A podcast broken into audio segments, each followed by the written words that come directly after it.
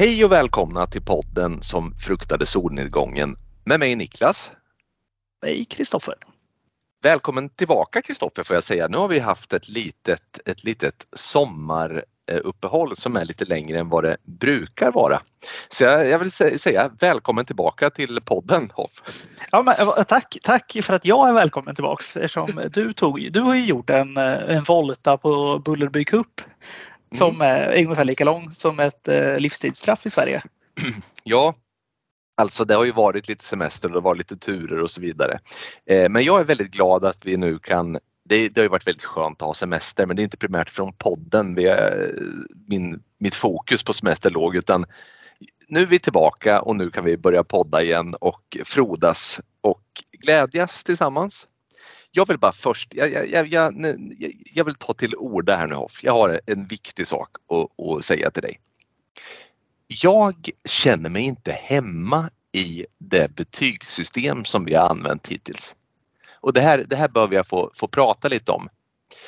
Jag behöver göra avbön eh, och eh, då berätta för dig att det enda betyg eller den skala som jag kan förhålla mig till det är alltså 1 till 5. Jag kan inte ha någon asterisk eller något plus eller minus framför utan betygen kan bara vara 1, 2, 3, 4 eller 5. Så då, ursäkta mig. Så då tänkte jag faktiskt göra som så att jag eh, ska bara berätta för dig utifrån de avsnitt vi har haft så ska jag snabbt bara gå igenom alla filmer så att jag får sätta det korrekta betyget utifrån den korrekta betygsskala som jag nu kommer delge. Då börjar vi här nu då. Film nummer ett. The Baby. 2 får den. Never Hike Alone får 4. Never Hike in the Snow får 4. Creep får 4. Creep 2 får 4. The Reef får 3. Razorback får 2 och Boar får 1. Backcountry får 3. The Town That Dreaded Sundown får 3. Killist får 4. A Nightmare on Elm Street del 1 får 4. Aterados får 3. The Nightmare on Elm Street 2 får 3. The Hills Have Eyes 1 får 3. The Hills Have Eyes, alltså remaken av Alexandre Acha, får 4. Nightmare on Elm Street 3 får 4. Burial Ground får 1. Dream Master, alltså Elm Street 4, får 4. The Taking of Deborah Logan får 3. Nightmare on Elm Street 5 får 1. It Comes at Night har sjunkit in lite. Den får numera 3. Freddy's Dead, alltså Elm Street 6, får en tok etta. Det är alltså där vi befinner oss. Jag ville, jag ville bara säga det. Jag ber om ursäkt. Eh, så det, det, finns alltså, det finns 1 till 5 och så finns det tok 1 också? ja, fast det är liksom, ja just det. det. Det kanske är värt att, den får ju bara ett så att säga. Men det är fast en tokig etta? Ja, det, den, är en etta med, med emfas så att säga. Men den kan ja. inte få, det kan inte få ett halvt eller så utan det blir ju ett där också för det är det sämsta betyget.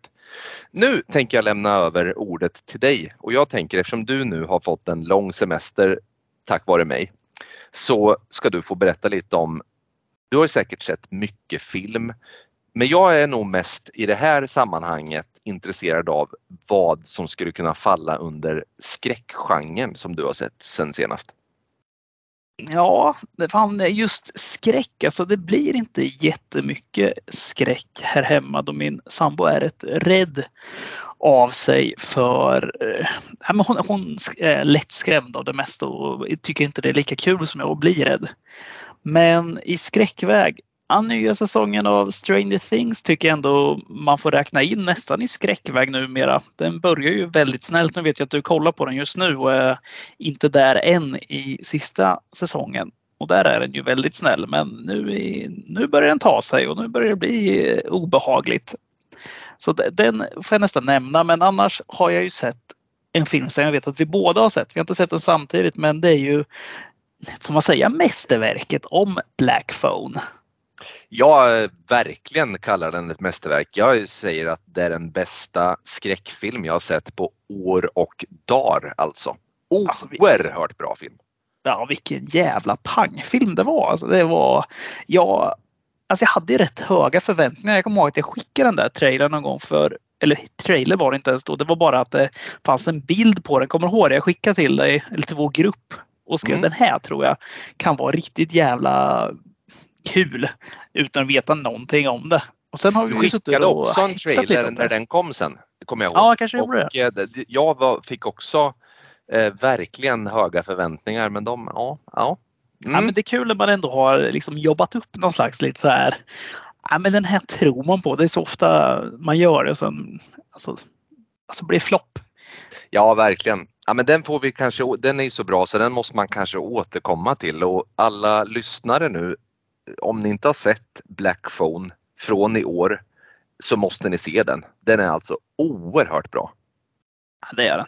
Just det här, nu ska vi inte prata om den idag, men just det här att eh, den utspelar sig på 70-talet. Alltså det är något visst där. När man får till en sån här miljö, alltså när man, eh, när man gör läxan, alltså när man gör allting från grunden och gör det snyggt vet, med bilar, kläder, musik, allting och mm. får till de här liksom kulisserna och hela stämningen. Liksom. Det, jag tycker det är så jäkla bra när man lyckas man med den biten. verkligen ger karaktärerna liv också. De, man, de får ju verkligen sätta sig. Eh, och vilket, man vill verkligen inte att det ska gå dåligt för dem.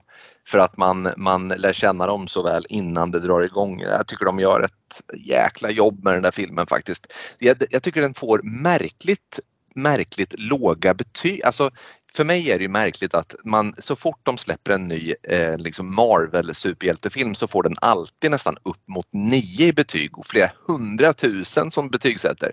Så kommer den här och jag vet inte, nu vet jag inte vad den är, men liksom, den är, är den uppe på sju? I och för sig ett bra betyg med tanke på att det är 1 till 10 men jag tycker ändå att det är lågt. Alltså jag, jag, för mig är det obegripligt att inte den filmen har över 8 i snitt i alla fall. Ja, den har 7,0 ja. ser jag nu. Ja, det borde förtjäna en tok sjua kan man ju tycka. Eh, ja, en, ja, en tok sjua, mer än en tok sjua, alltså en tok åtta skulle jag säga. Ja, nej, men den, den, eh, den är ruskigt bra och mm. den eh, måste vi göra ett avsnitt om. Det, det bara är så. Ja, så är det. Vi får låta den sjunka in och låta allmänheten se den också eftersom den är relativt ny och vår podd kanske inte riktigt är där och nosar på de senaste filmerna. Nej, ännu. nej men eh, det kommer. Utöver det i skräckväg, alltså det finns säkert någon som jag missar här som eh, jag har sett. Jag, har, eh, jag brukar gå och lägga mig och då brukar jag alltid slå på någonting och somna till. Men jag vet inte vad det skulle... Jag såg den här Forever Purge. Jag vet inte om jag pratat om den tidigare eller nu har det gått ett bra har du gått Ja, jag har sett allihop där. Ja, mm. Jag har gjort det va? Ja. Nej, då, då tror jag faktiskt inte jag har det. Men jag måste nästan nämna att jag har sett även den här Doctor Strange 2 också som eh, du eh, tyckte var en av de bättre i alla fall. Eller hade någonting. Du gillar ju Sam Raimi. Mm. Och eh, jag, jag gillar inte lika mycket den där. Men jag tror också att det har lite att göra med att man börjar bli rätt mätt på de där Marvel-filmerna nu. Det är liksom ja, man vet ju det, hur det kommer gå. Det är inte någon som sticker ut. Nej, så är det. Utan det är ju, ja, men jag, jag tycker ändå att den hade någonting just för att den då blinkar med tidigare verk. Och det är väl egentligen inget särskilt robust fundament för en film att stå på att den liknar andra filmer eller liksom blinkar till andra filmer. Men nej, jag vet inte, jag tycker den var lite mörkare och, och lite coolare än vad de brukar vara de här asen. Men eh, som sagt, jag är nog inte längre målgrupp tror jag. Jag älskade superhjältefilmer en gång i tiden men nej, not much more. Nej, jag har det blivit mer? Jag har kollat klart på Peaky Blinders, betade jag av för ett tag sedan. Såklart den. Sen eh, Jurassic Park Dominion såg jag och eh, min tjej häromdagen. Då, vet du vad man ska säga här till, den här, till eh, mitt försvar? Jag är inte den som stänger av en film. Jag kan nog räkna det på, på mina alla fingrar antalet gånger jag har stängt av en film. Men eh, vet du, Jurassic Park Dominion, efter en timme och 38 minuter, då tryckte Kristoffer Nilsson på stoppknappen och kollade på sin tjej och sa det här var inte bra. Nej, hon sa, nej det här alltså. var, ja det, det är sorgligt för att eh, jag, jag är först att räcka upp handen. Alltså, jag gillar Jurassic Park. Jag tycker det är härligt. Ja, förlåt, jag sa Jurassic Park. Eh, om det sitter någon nörd där ute så givetvis Jurassic World är ju det här Dominion. Jo, precis. Stor Ja, men, skillnad såklart. ja, ja, ja, men Jurassic Park, den gamla, alltså första filmen, där, det är ju, ja, jag skulle nog säga att det kanske är min största bioupplevelse i hela mitt liv faktiskt. Den är eh, ett eh, odiskutabelt mästerverk. Men faktum är att jag gillade ju också, jag gillade verkligen den första Jurassic World som kom. Jag tyckte den var jäkligt underhållande faktiskt. Ja, men jag, Eh. jag är likadan. Jag, jag tyckte också den var bra. Men jag, jag är inget fan av Jurassic Park 2, det här du vet när de får ta med sig dinosaurierna kommer till stan. Jag tycker det är Nej. tråkigt. Och eh, den här filmen är ju liksom, ja men du, du vet ju premissen, du vet ju handlingen för den. Alltså, att det är liksom, de lever ju bland oss nu, mer eller mindre, de här dinosaurierna. Jag tycker det blir lite tråkigt det här man varje gång ska hitta nya arter. Du vet, så här, det, de bara, nu kommer en ny, en ny, en ny superras, en ny superart. Och det bara, Ja, ja, ja men så är det ju det verkligen. blir lite som Marvel-filmer. Liksom, så här, ja, men någon gång, det kommer, ja, ingen kan alltid vara mäktigare än någonsin. Alltså, någonstans finns det en gräns.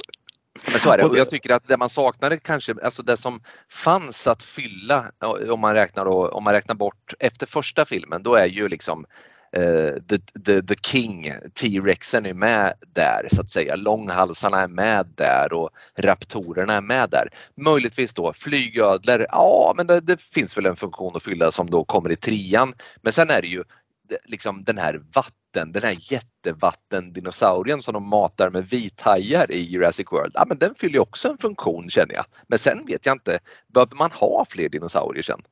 Nej, men, och den här stora som de matar med, den är ju liksom inte, alltså, den är inte fienden heller, huvudfienden. Den är ju bara någon så här Ja, men den är med lite i slutet där utan att spoila liksom vad den gör. Men eh, sen har de den här eh, korsningarna med när de har tryckt in raptorblod där väl i T-Rex och skapat någon Raptor X eller vad fan de heter. Ja, som är vrålsmart och stor och stark och bra på allt. Liksom. Så fort de börjar förklara något sånt där, vet du vad jag gör då? Det är ungefär de tillfällena jag börjar pilla med mobilen för att tycka det är ointressant. Det är så här, Mm. nej, jag köper det med bärnsten liksom. De sitter och borrar i det och Ja, det är ja. coolt. Det var, det var häftigt liksom i första filmen. Men sen när de ska liksom så här överförklara och liksom då, ta det ett steg extra. Nej, det är inte min grej. Nej. Jag håller med. Men om man, Alldeles- bort, om man kopplar bort järnkontoret så var första Jurassic World, den var ju ändå liksom, man satt ju inte och hade tråkigt i biosalen faktiskt. Berätta, vad, du har ju sett tusen grejer känner jag på mig. Så mycket så, som du har varit borta från podden. nej, nej det, vet du vad? Jag hade sett mer till förra avsnittet, så är det. Eh, men absolut, jag har eh, hunnit eh, kolla på en hel del och allt är inte skräck, men jag har ändå samlat det som ändå skulle kunna falla under eh, skräckgenren eller i alla fall lite ja, mörkare thrillers då. Eh, och Mm. eh, ja, men det första som jag hade tänkt få ta upp var ju såklart Black Phone men det behöver vi inte prata mer om nu mer än att jag återigen bara vill säga har du inte sett den filmen så måste du göra det om du gillar skräckfilm för den är något alldeles extra. Sen har jag faktiskt sett en gammal spökfilm och det är The Changeling från 1980 och det är alltså inte The Changeling med Angelina Jolie utan det här är med George C. Scott, du vet Patton George. Ah, ja. Och han, han är då en eh, författare som, eller han är inte en författare, han är någon form av musiker som eh, börjar lära ut på universitetet och eh, flyttar in i en, eller han hyr någon slags herrgård där, där det börjar hända grejer. Klassisk spökfilm. Du vet, det är någonting som låter i rören och det trappas upp och eh, den var faktiskt jävligt bra. Har du sett den här filmen? Du, jag tror att jag har sett den, att det var rätt länge sedan vill jag minnas. Men eh, rätta mig om jag har fel. Visst är det den, eh, det kommer en boll nedslutsad för en trappa va? Ja, exakt, absolut. Yes. gör det. Ja, men då har jag sett den.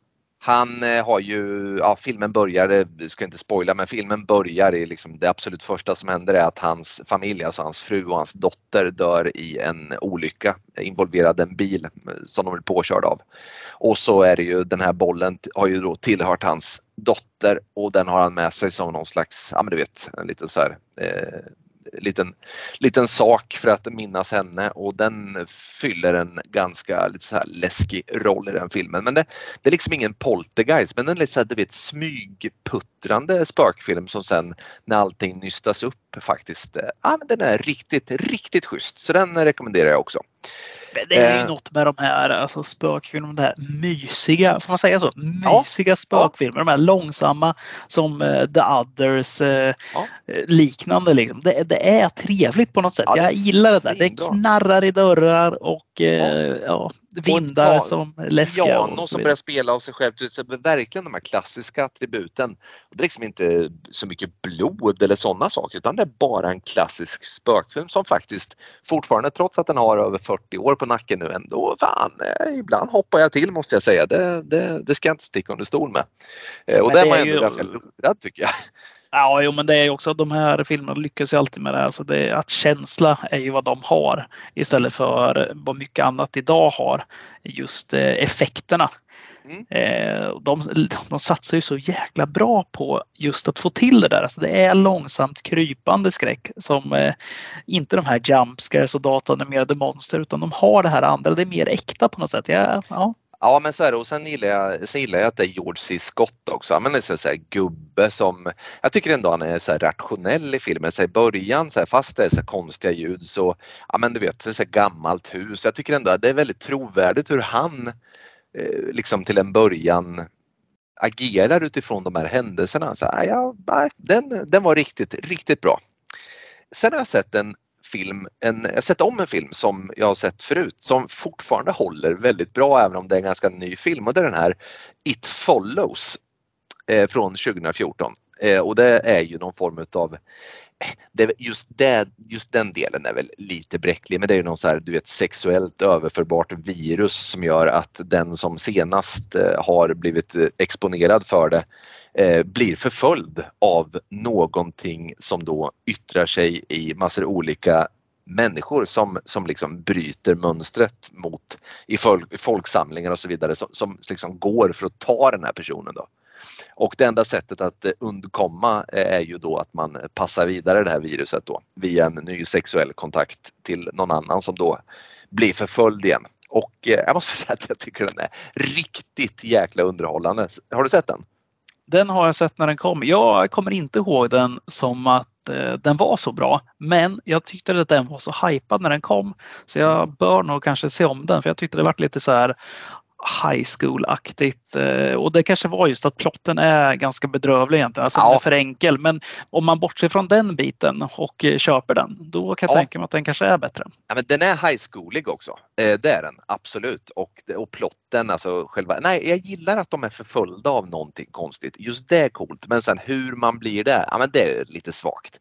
Se om den tycker jag. Den är, mm. den är jäkligt underhållande och ja, ja, jag gillar den fortfarande. Du skulle kunna göra någon slags uppföljare på det här. Den skulle kunna heta Apkoppor follows för du har ju apkoppor och du kan ju överföra det till någon nu. Och så kan ju ja, det yttra sig ganska obehagligt också. Du som gav mig de här apkopporna. Och det ja, är jag är patient zero i här. Skoja, kanske finns folk där ute som sitter och kvider av apkoppor och lyssnar på oss. Nej, det vore konstigt. Nej, man skojar inte om det. Jag var Nej. inte patient zero. Nej, Men apkoppor har vi. eh, sen har jag sett en, eh, jag har faktiskt sett två stycken filmer av Dario Argento. Du förstår, jag har en box här hemma med några Dario Argento-filmer i. Och eh, det konstiga är då att när jag väl bestämmer mig för att se en Dario Argento så bestämmer jag mig för att se en som inte finns på den här boxen. Det är så här jag är Hoff. Jag är ju fullständigt irrationell, jag vet det. Det finns liksom inget. Jag ska se en Dario Argento. Jag har lättillgänglig box med massor filmer, sju stycken. Men nej, det duger inte för kvällen. Så jag letar upp en annan som jag då hyr istället. Och den heter Four Flies on Grey Velvet. Eh, jag tror att den svenska översättningen blev inte Fyra flugor på grå sammet utan En djävulsk fälla. Och den här är från 1971 och är kanske ingen skräckfilm i ordets rätta bemärkelse utan snarare en eh, thriller om en musiker som av misstag råkar eh, ja, i, i, någon form av självförsvar då ha ihjäl en människa och så blir han fotograferad samtidigt och får då en eh, galning på halsen som eh, trakasserar honom med ja, bilderna som är tagna på honom när han utför det här mordet och så vidare. Då. Eh, Väldigt men, Hitchcockig eh, plott. plott. Ja, absolut. Men Dario Argento är ju, vi har ju pratat lite grann om honom, utan det är ju alltså så här är det ju att filmerna i sig, alltså rent estetiskt är ju och visuellt, de är så jäkla snygga. Ärligt talat så vet jag inte med mig om jag har, alltså det här året 1971 och jag, alltså det måste vara revolutionerande hur jävla snygga de är då och hur bra det håller idag. Sen är problematiken med i alla fall den här filmen är att den är så jäkla märklig, alltså folk agerar så märkligt och det är liksom, det är om, vi, om, jag, om jag sa att eh, i Changeling att man köper hur George C. Scott agerar så köper man inte riktigt hur någon agerar i den här filmen för att alla, det är så jäkla, det är så jäkla konstigt. Men ändå är den så jäkla bra den här filmen. En klockren 4 av 5 skulle jag säga. Det alltså, den, den är, den är, jag kan inte ta min, mina ögon ifrån den men den är, den är samtidigt jäkligt konstig och jag skulle förstå om man sa att man inte gillar den. Men det gjorde jag. Så till den milda grad att jag dagen efter då var tvungen att se eh, Suspiria, för det, den har jag sett sedan tidigare då, men den ingår i min box där som jag har. Och då ja, var det, alltså det är väl ändå den ja. mest vanliga, liksom den, alltså den man tänker på. Ja, Nämner man Argento så är det, det, är väl, det är väl den eh, kändaste eh, han har gjort, eh, helt klart. Och den är ju jävligt bra den också alltså. Eh, jag tycker ju, jag tillhör ju den skara som tycker att nyinspelningen liksom inte var så förträfflig. Alltså den är, eh, den är, det är en jättebra rent alltså eh, filmiskt, eh, alltså film, den här Suspiria nyinspelningen. Men den är på tok för lång och det är alldeles för långa partier där jag liksom inte känner att jag överhuvudtaget deltar. Men eh, det är inte fallet med Argento Suspiria för där tycker jag spänningen är på topp hela tiden och den imponerar också med extremt schysst och stressande eh, soundtrack och jäkligt snygga bilder och färger och så vidare. Så att eh, ja, den kan man ju verkligen se om också om man vill göra det för den är riktigt, riktigt grym. Och sen slutligen då så ska jag nämna Stranger Things också. Jag har ju sett Eh, första säsongen sedan tidigare. Sen såg jag och Malin med sambo så började jag se andra säsongen när den kom. Men vi la ner efter två avsnitt cirka för vi tyckte att det var så markant sämre eh, andra säsongen än vad första säsongen var. Men nu känner jag att Eh, tiden är inne för att se om för att jag i grund och botten älskar, jag älskar ju 80-talsmiljön och alla de attributen och, och, jag tycker att första säsongen var så riktigt bra. Så att eh, jag ser om första säsongen och jag gör det faktiskt tillsammans med mina barn. Det vill må låta liksom lite hardcore kanske att de får titta på sånt men jag tycker att den balanserar på rätt sida av eh, vad som är rimligt. Sen får de blunda ibland. Men eh, jag tycker ändå att den är, den, eh, de är helt, alltså de är helt tagna av det där. Det var nästan eh, så att eh, det blev världskrig när vi sa att det bara blir ett avsnitt ikväll och inte två. Vi ser alltid ett varje kväll nu då. Eh, och det, de blev vansinniga så det måste betyda att det är en väldigt bra serie också för dem. Ja, vad härligt alltså. Gud vad kul att se det som barn just mm. säsong ett. Alltså det är ju lekfullt och det är ju, nu vet jag att dina barn är ju lite äldre än vad mina liksom, och, och inte upplevt 80-talet själva heller. Men för en annan alltså, man sitter och myser de här arkadhallarna och eh, BMX-cyklarna och allting, ja. alltså de här alltså röda pannbanden som någon kör som från Rambo och Karate Kid. Alltså allt, allt ja, de allt gör. Som jag, som jag nämnde tidigare här bara, just när man bygger upp miljöer som är ordentligt gjorda. Alltså du tar musiken, du tar all kläderna, allting och får, får till det. Ja. Det är ju Alltså, finns, finns det någon serie som är bättre på det? Om man, givetvis är Downtown Abbey och sånt där. Alltså, men jag skiter i dem. Jag skiter ja, ja. i Downtown Abbey. Jag älskar Stranger Things. Alltså, jag älskar den biten. Mm. Jag älskar 80-talet. Ja, jag, jag, skulle säga det just att jag, jag tror inte att eh, det finns någon serie i världshistorien som jag kan identifiera mig mer med än Stranger Things. För att jag, eh, som sagt, jag älskar, all, jag älskar ju allting som den serien har att erbjuda. Och även handlingen. Just det här med du vet andra dimensioner och monster och, och du vet the government som är på... Du vet, allt det här som man eh, liksom har fått lite från Arkivex där man växte upp växte upp och eh, som sagt alla de här gamla 80-talsfilmerna man sett när de åker runt på sina BMX-cyklar och, och, och sen återigen då soundtracket med The Clash och, och, och allt vad det är. Liksom. Ja, det är helt otroligt, otroligt bra. Så du att, eh, kommer äh, älska sista säsongen som är just nu, eller den säsong som är nu. Då, då kommer hårdrocken på besök också. Det vet jag att du kommer ja. uppskatta mycket. Härligt. Nej, men den, den är, och som sagt var, jag, jag tycker ändå att den balanserar. Så här, visst, den är läskig ibland, så här, men det är också, det handlar ju lika mycket om att växa upp och vänskap och, och, och allting. Så att eh, det är liksom, ja, det är inte bara någon så här rå köttar eh, serie liksom. Det är, det är inte det det är frågan om. Då så, min vän Kristoffer. Vad har vi valt för film till detta avsnitt? Då har vi valt en eh, taiwanesisk film som heter Kubei. Kubei. Kubei. Kubei. Kubei. Eller om den heter bara The Sadness som den heter på engelska. Ja, det här är ju då en eh, taiwanesiska filmer har vi ju, eller för att tala för mig själv, har ju inte jag sett många av kan jag säga. Nej, eh, det är samma här. Jag var faktiskt tvungen att eh, göra en liten googling så man, om man hade missat någonting just gällande taiwanesisk film och det fanns ju rätt mycket så som hade hyggligt betyg men jag kan inte säga att jag hade sett någon av dem. Den enda som jag kände igen som jag faktiskt hade sett som eh, hamnade på en eh, ja, liten lista längre bort. Det var faktiskt den här Crouching Tiger, Hidden Dragon jag trodde faktiskt att den var kinesisk men jag vet inte exakt var vi drar gränsen mellan Taiwan och, eh, eller Taiwan och Kina längre. Så att nej, det är väl där vi hamnar. Mm.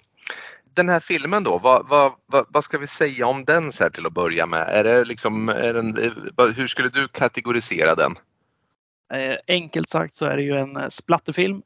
Eh, och eh, ja, så man får väl dela in skräck i olika genrer. Så det, alltså, vi har ju de här psykologiskt långsamma, långsamt uppbyggda filmerna och så har vi splatter, vi har slashers och liknande. Men det här är en ren splatterfilm. Från början till slut. Eh, jag hade tänkt faktiskt skriva ihop en liten historia här gällande just splatterfilmen. Tiden var knapp och eh, jag kände att det här får komma till ett annat avsnitt. Men det finns lite att eh, gnugga på där. Men det här är en renodlad splatterfilm med mycket kött och praktiska effekter. Precis som en splatterfilm må vara. Den är från 2021, ganska ny film för att vara den här podden. Och den är alltså regisserad av Rob Jabbas. Då frågan till dig där, Rob Jabbas, något du känner igen? Har du sett något med honom? Nej, det kan jag inte påstå att jag har gjort. Um, nej, jag har faktiskt ögnat igenom hans alster och det är tämligen okänt det mesta, precis som den här filmen var inför titeln helt enkelt. Ja, det är samma här också. Jag hade aldrig hört talas om honom. Aldrig, inte en suck. Jag såg ju lite om den här filmen på om det var sociala medier eller om det var i något forum. Jag kommer inte ens riktigt ihåg, men den eh, hypades rätt rejält och många talade gott om den. Så jag, jag läste faktiskt lite gällande den här filmen just om Rob Jabbas här, hur, vad som hade hänt, hur han liksom fick göra den här filmen. För att en kanadick som gör en, eh, en eh, splatterfilm i Taiwan som är på, på mandarin. Det känns liksom inte som att det är det första man tänker sig skulle ske. Och eh, det som hände egentligen det var att han, Rob då, han eh, råkade befinna sig i Taiwan under tiden Hollywood var nedstängt här under coronapandemin. Men han hade fått ett uppdrag att skriva ett manus här att, och att tanken då var att göra ett manus som skulle vara pandemirelaterat. Alltså en skräckfilm som går i pandemins fotspår. Samtidigt som det här gjordes då så gick det ju inte upp några nya filmer på bio. Det fanns liksom ingen konkurrens där för att ja, alltså du kan, du kan egentligen trycka ut vilken film som helst för att det var inget nytt som kom. Inga storfilmer gick ju upp på bio. Eh, så att den här finansiären han hade fått här för att skapa den här filmen. Han kunde inte hitta någon som ville göra den. Utan han gav Rob äran eller uppdraget bara att ja, men du får faktiskt regissera den här själv. Och Rob gick med på det här med villkoret att han fick göra den precis som han ville.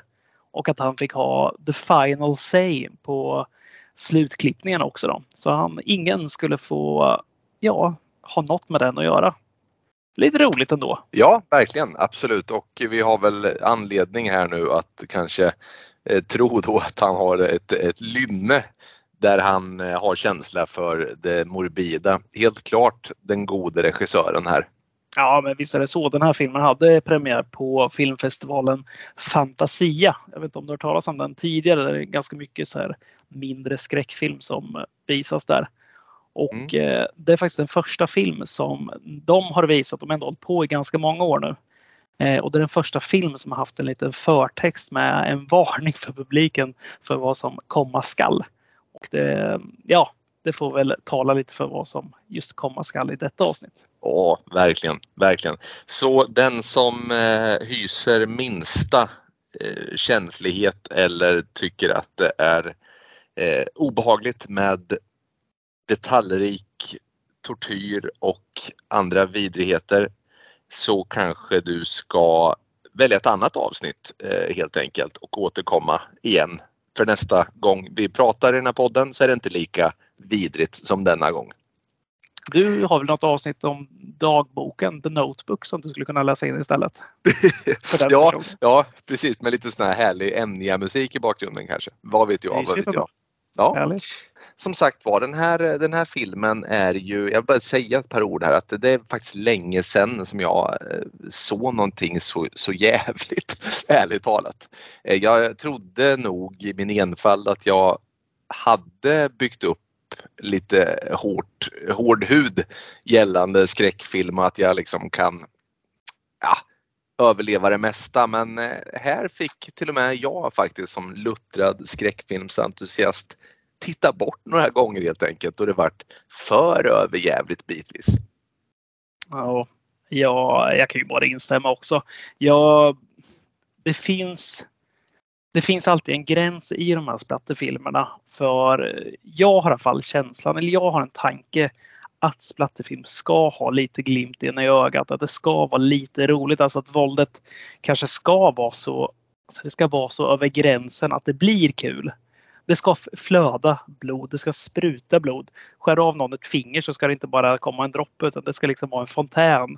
Det ska vara en sprayburk som går sönder med blod. Det är så jag vill ha det för att det ska, det ska avtrubbas direkt. Ja, och offret bör också agera på ett sätt som är icke trovärdigt. Det, för så är det ju ofta i andra plattfilmer man har sett att, att Ja, alltså om vi tar Braindead exempelvis. Nu är det ju kanske mer liksom, ska säga, klassiska zombies i den filmen eller vad vi ska kalla dem.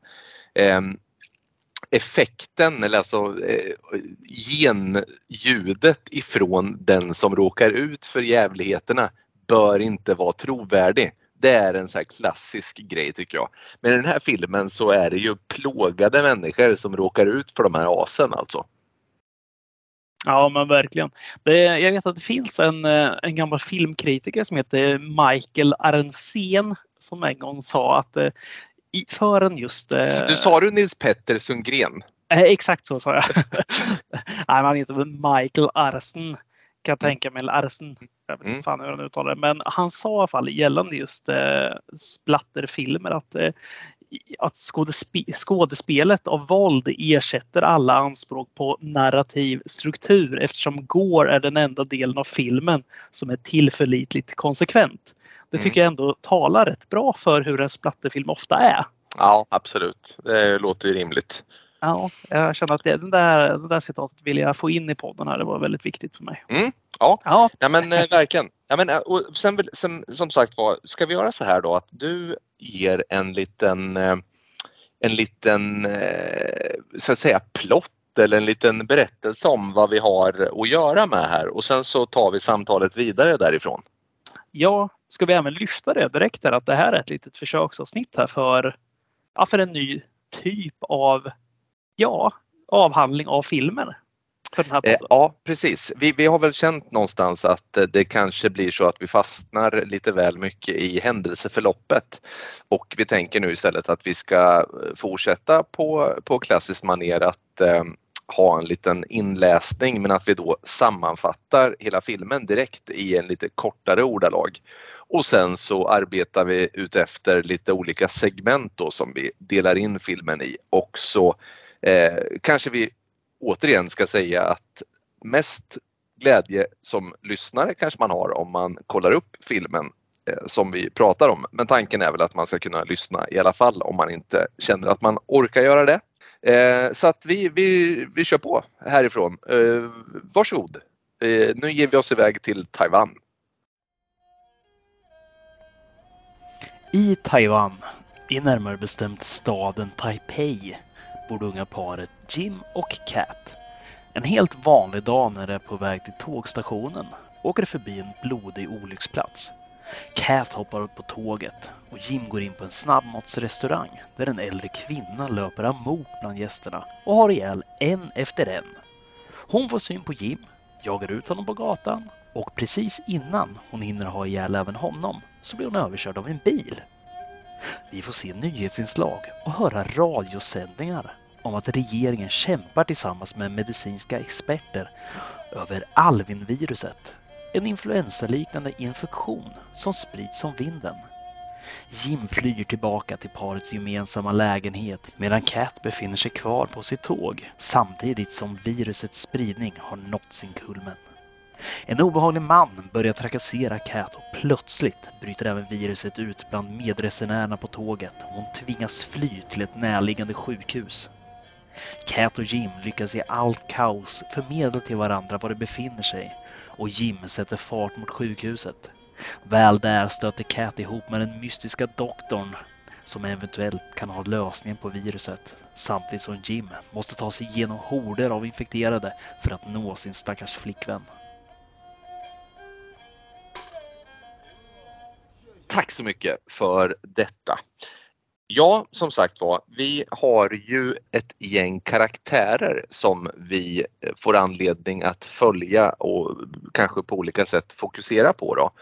Eh, jag tänkte höra med dig om du skulle kunna ta ett par stycken utav de eh, karaktärer som du tycker är synnerligen minnesvärda eller centrala för handlingen. Karaktärerna. I, I, en vanlig film, eller i de flesta, i 99 procent av fallen så vill man ju nästan här lyfta upp huvudkaraktärerna, alltså huvudpersonerna.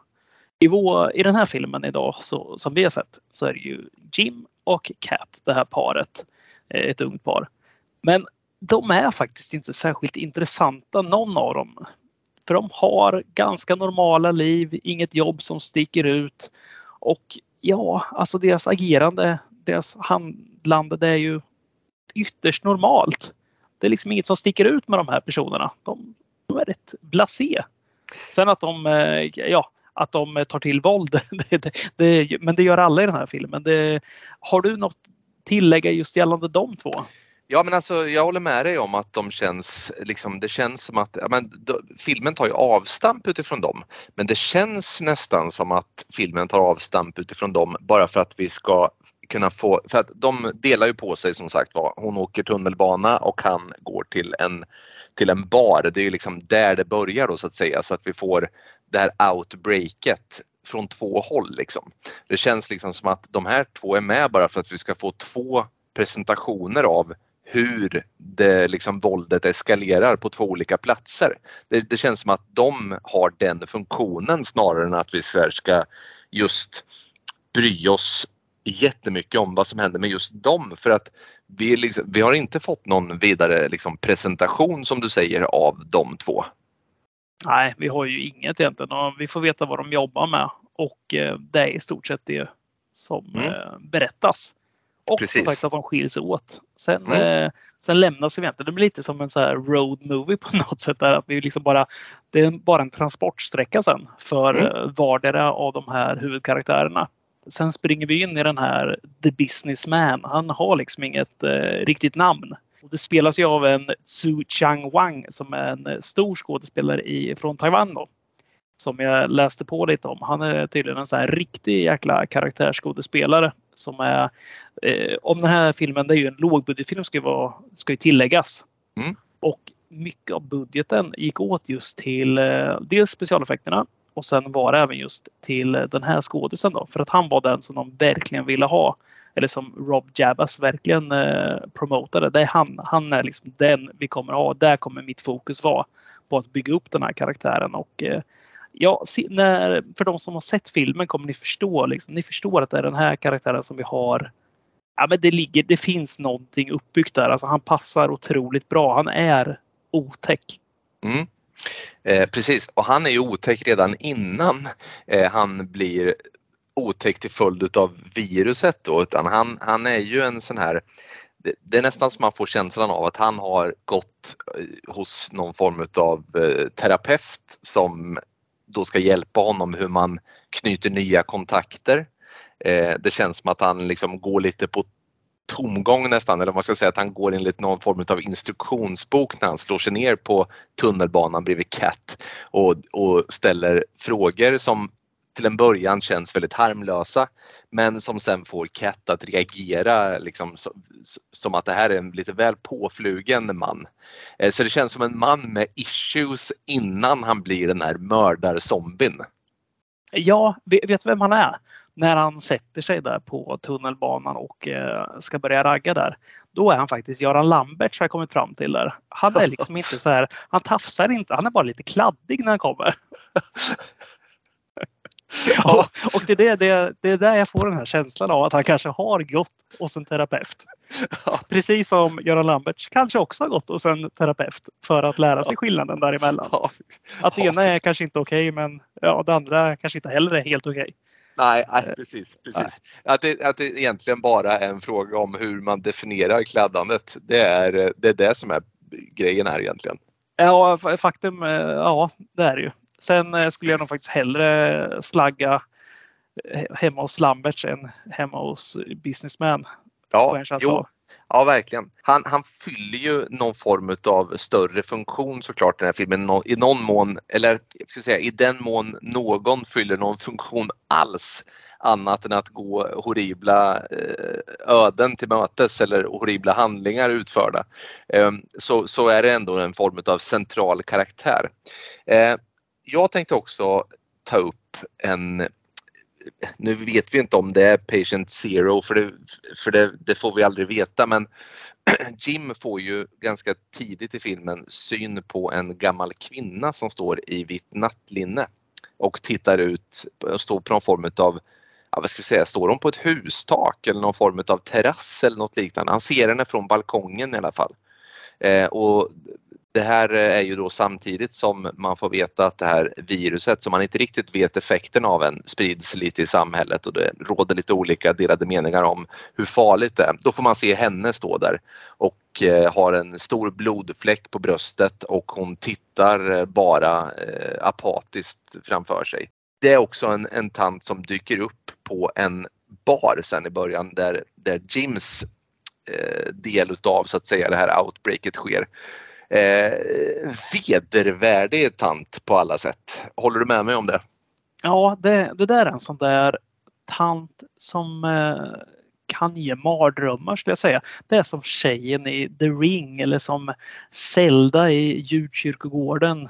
Ah, du mm. förstår vad jag menar. Liksom. Ja. Det är såna här, den sätter sig, just den där jävla det där jävla håret tänkte jag säga, men det där vita långa håret, dåliga tänderna och de där kolsvarta ögonen och det här flinet och blodet. Alltså det är... Ja. Och sen till råga på allt någon form av så här, äppelkinder nästan. Jag tänkte på att de kändes så här hårda kinderna som upp liksom blåsta på något sätt. Jag vet inte, jag tyckte hon var grotesk. Ja, lyckat är det. Ja, verkligen. verkligen. Bra skrämseltant. Mm. Sen har vi även Dr. Wong. Den här mm doktorn som, ja, som försöker ta reda på ursprunget eller liksom botemedlet för det här viruset. Han, eh, det är väl en karaktär också att eh, nämna. Eh, ja precis en karaktär som förekommer ganska sent in i detta då man i stort sett tror att hela världen, eller i det här fallet då hela Taiwan har gått under av det här viruset på nolltid så är han en av få då som inte är infekterade. Han har en eh, skyddsdräkt och någon, har hittat någon form av avkrok där på sjukhuset som han eh, låser in sig i. Då. Ja men absolut central karaktär. Och bär på en riktigt stor mörk hemlighet såklart. En, ja verkligen och den eh, tar vi mot slutet tänker jag. Den håller vi på lite grann. Eh, slutligen då skulle jag nog säga att att eh, karaktären Molly ändå är värd att nämna. Om vi då vänder oss till Cats så att säga del av berättelsen där hon är på en tunnelbana och utbrottet sker där så är Molly en liten, vad ska vi säga, liten tillbakadragen tystlåten kvinna, den enda på tunnelbanan som har munskydd eh, också. Eh, hon, Molly, råkar mycket illa ut och eh, har ett stort problem i att hon faktiskt förlorar ögat ganska tidigt vilket begränsar henne på många olika sätt. Och hon råkar också mycket illa ut senare i filmen. Kanske får vi anledning att återkomma till också det. Men vi låter det vara så. Det är som sagt, det är många karaktärer med men de flesta går åt, så kan vi säga, i denna film. Men som sagt var, då har vi någon form av grundram där för berättelsen och så kan vi ta det vidare ett snäpp här nu då. Hotet. Hotet? Ja du, hotet i den här filmen. Alltså som sagt var, initialt så tycker jag att vi närmar oss någon form utav, alltså vi, det börjar som en klassisk zombieberättelse. Men hotet, ja, det är ett virus, vilket det ofta är i eh, de här berättelserna. Men skulle du, har du något mer, skulle du vilja, det finns ju rätt mycket att lägga till kring det här viruset som vi ändå får säga det är det som är hotet i den här filmen då. Ja, men just ho, alltså, ja, men om vi pratar viruset i allmänhet, liksom, det, här, det är ju inget vanligt eh, zombievirus det här utan du behöver inte bli biten av någon för att bli smittad. Och det är väl lite det som gör det otäckt på ett sätt eller hotfullt på ett sätt. Du kan liksom Ja, men det, det känns som att det är både luftburet, det, det kommer via saliv, alltså får du in det i ditt sår eller någon som droppar eller alltså, spottar på dig så får du, du, det finns många sätt att dra på sig skiten. Ja men det gör det och som sagt var det är eh, med tanke på den blodmängd som florerar i den här filmen också så, så eh, är det rätt svårt att undvika det till följd av alla eh, fontäner av blod som drabbar Ja, det, vi kan väl säga så här, det är inte ett plåster som stoppar de sår som uppstår i den här filmen. Och här hade man ju behövt en sån här hazmat på sig liksom för att eh, ha en chans att klara sig.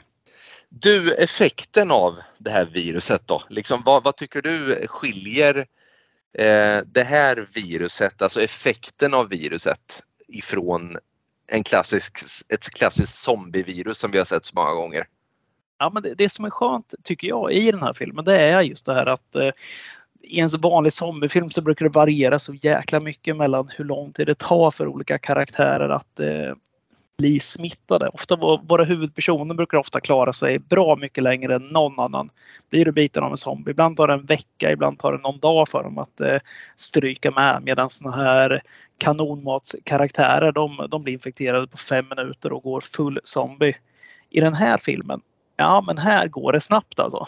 Det, det, mm. det krävs inte mycket utan eh, lite stänk på dig. Sen, eh, sen har, kan vi väl räkna minuterna nästan innan mm. eh, ja, det sätter fart i hjärna och kropp.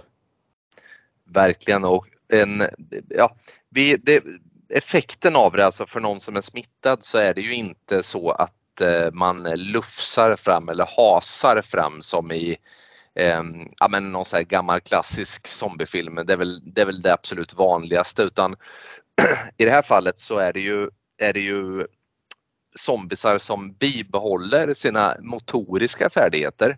Men en sak som jag tänker på som verkligen får den här filmen att sticka ut det är ju att zombisarna också är verbala. Och om vi då säger att de är brutala i hur de så att säga eh, ger sig på människor eh, med diverse tillhyggen och eh, tortyrmetoder så är de också de är lite fula i mun Hoff.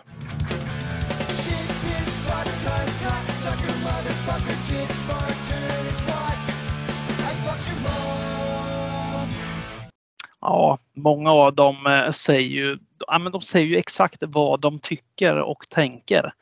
Mm. Ehm, de vill ju stycka upp dig, alltså stycka upp dig. Mm. Det är typ det snällaste en sån här, ska vi kalla dem zombie?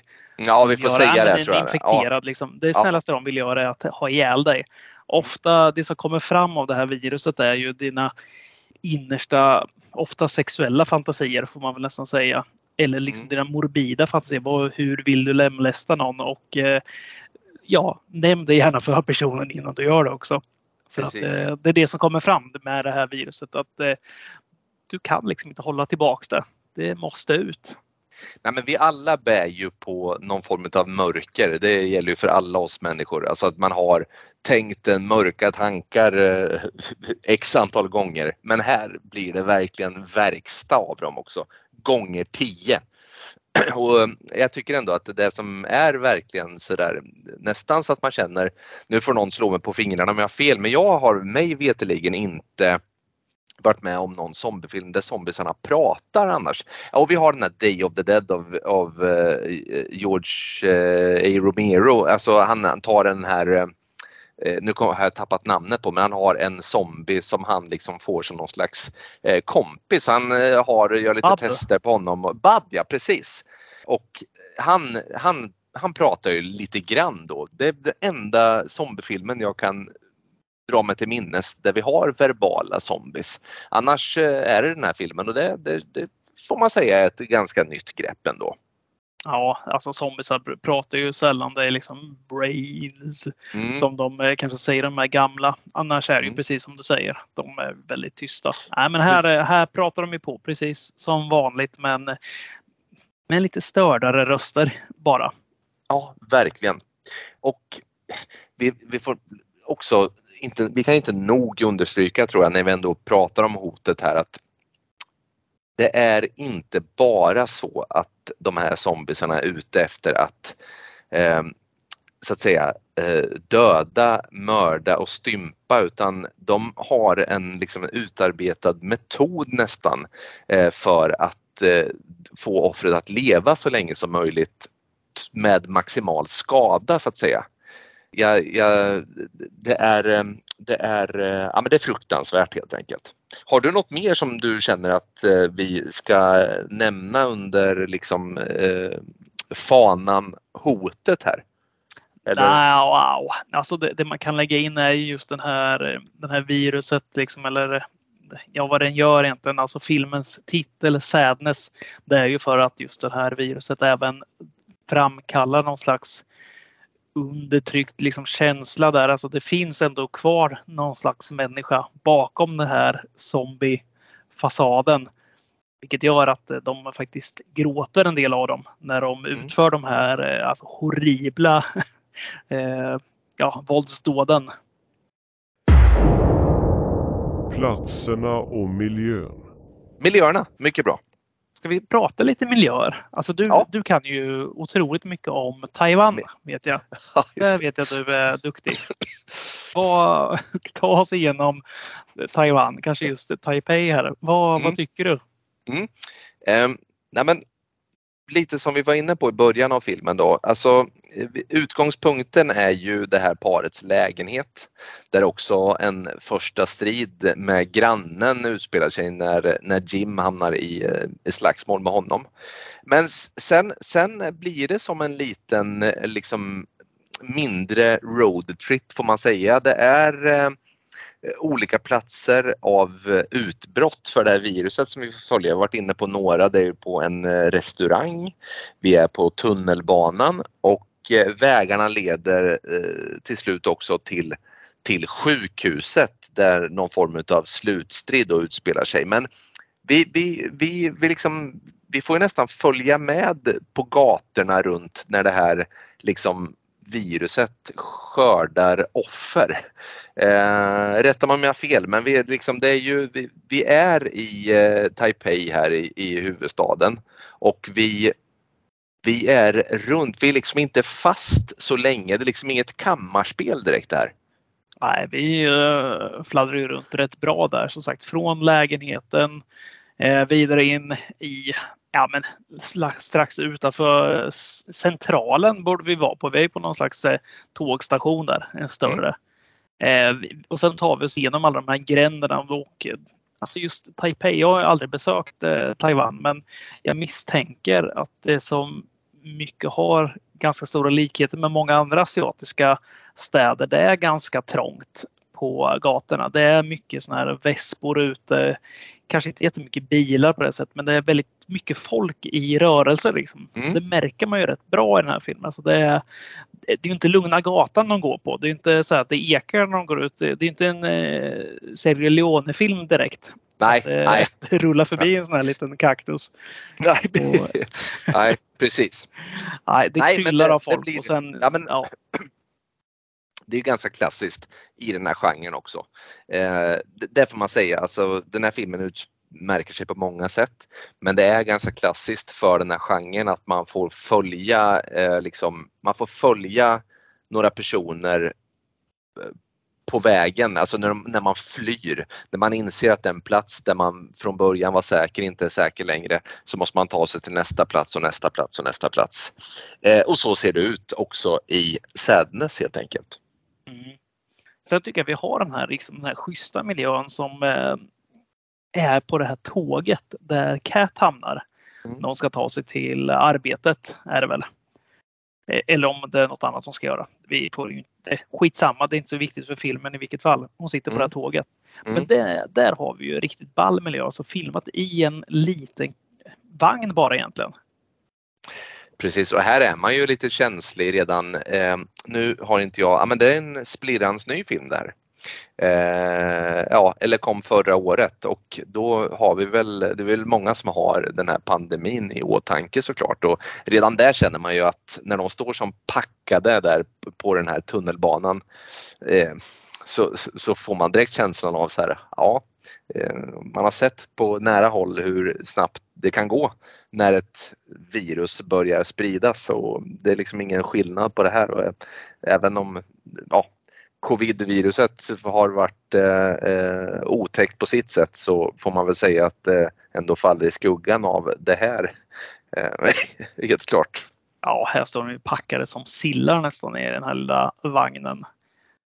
På, och det, ja, visst, det är lite munskydd på där också. Alltså det är ju i, i, i vågorna av covid som filmen är inspelad och den här är ju liksom pandemirelaterad så man märker liksom att det är så.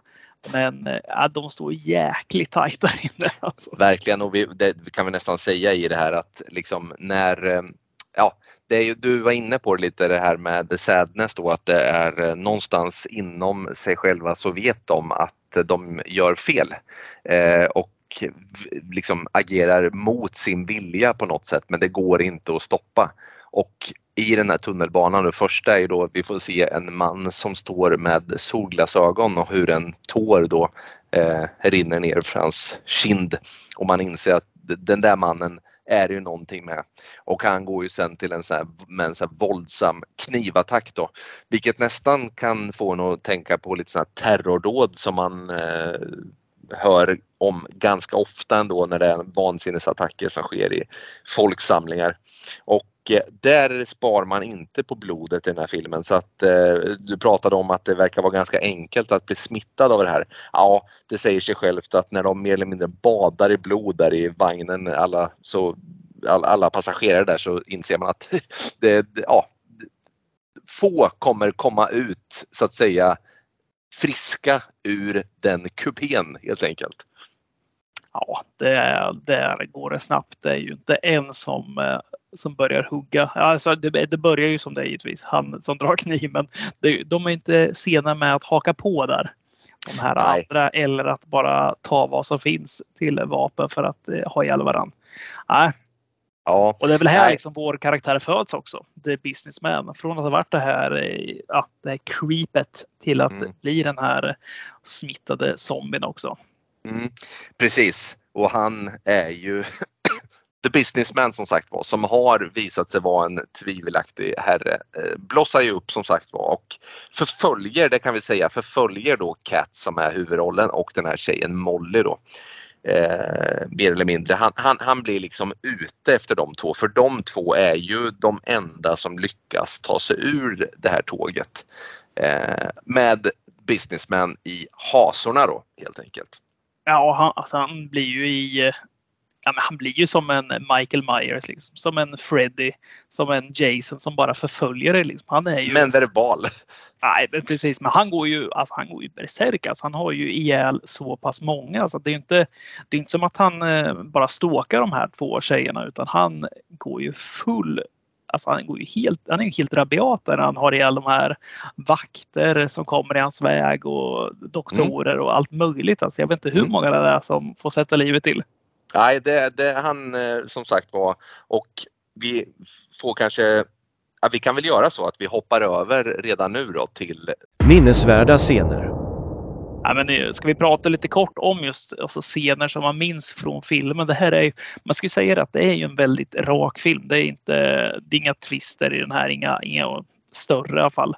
Men och handlingsmässigt, liksom, vi, har inget, vi har inga dialoger, några djupa dialoger där de sitter och avhandlar någonting och vi sitter och tänker att jäklar nu är det som i hit när De Niro möter Pacino. Utan eh, här, eh, ja men det, det är ju våldet som står i centrum konstant, alltså med, med sin, sina effekter. Ja, vi har ju pratat om det kort där, men just när Jim tittar ner på den här eh, taktoppen där och ser den här gamla tanten. Det är ju så det, det är just det som kommer efteråt när eh, de går ner och den här tanten hoppar in på den här baren, restaurangen. Och, och sliter upp den här frityroljan. Eller alltså det är ju någon som håller en sån här frityr, vad säger man, sån här frityrhink? Frityr, Ja men precis, någon sån här pommesfritös liksom. Ja, och det bara liksom dryper av det här kokande oljan. Hon bara liksom kastar den i ansiktet på honom och sen alltså, klöser sönder det här brännskadade ansiktet. Liksom man ser huden liksom nästan smälter över fingrarna på henne. Alltså det, är, ja, det, det, sätter en, det sätter en ribba direkt på filmen. Eftersom det Ja, är så kort in. det, det gör det. Det är en mycket, för man ser nästan att det så bubblar i kinderna på honom till följd av att han blir så skollad som sagt var. Ja, det är en fruktansvärd scen. Och dessutom har ju tanten då mage att, eh, att eh, kalla honom för en fin pojke eller något liknande också. Eh, ja, det, det är, eh, sen blir det tumultu på den restaurangen. Eh, Jag tänker på en annan scen. Det är, eh, och här får vi ju helt enkelt bara säga att nu kommer det låta som att vi orerar om vidrigheter. Men eh, så får det väl vara, för det är en vidrig film.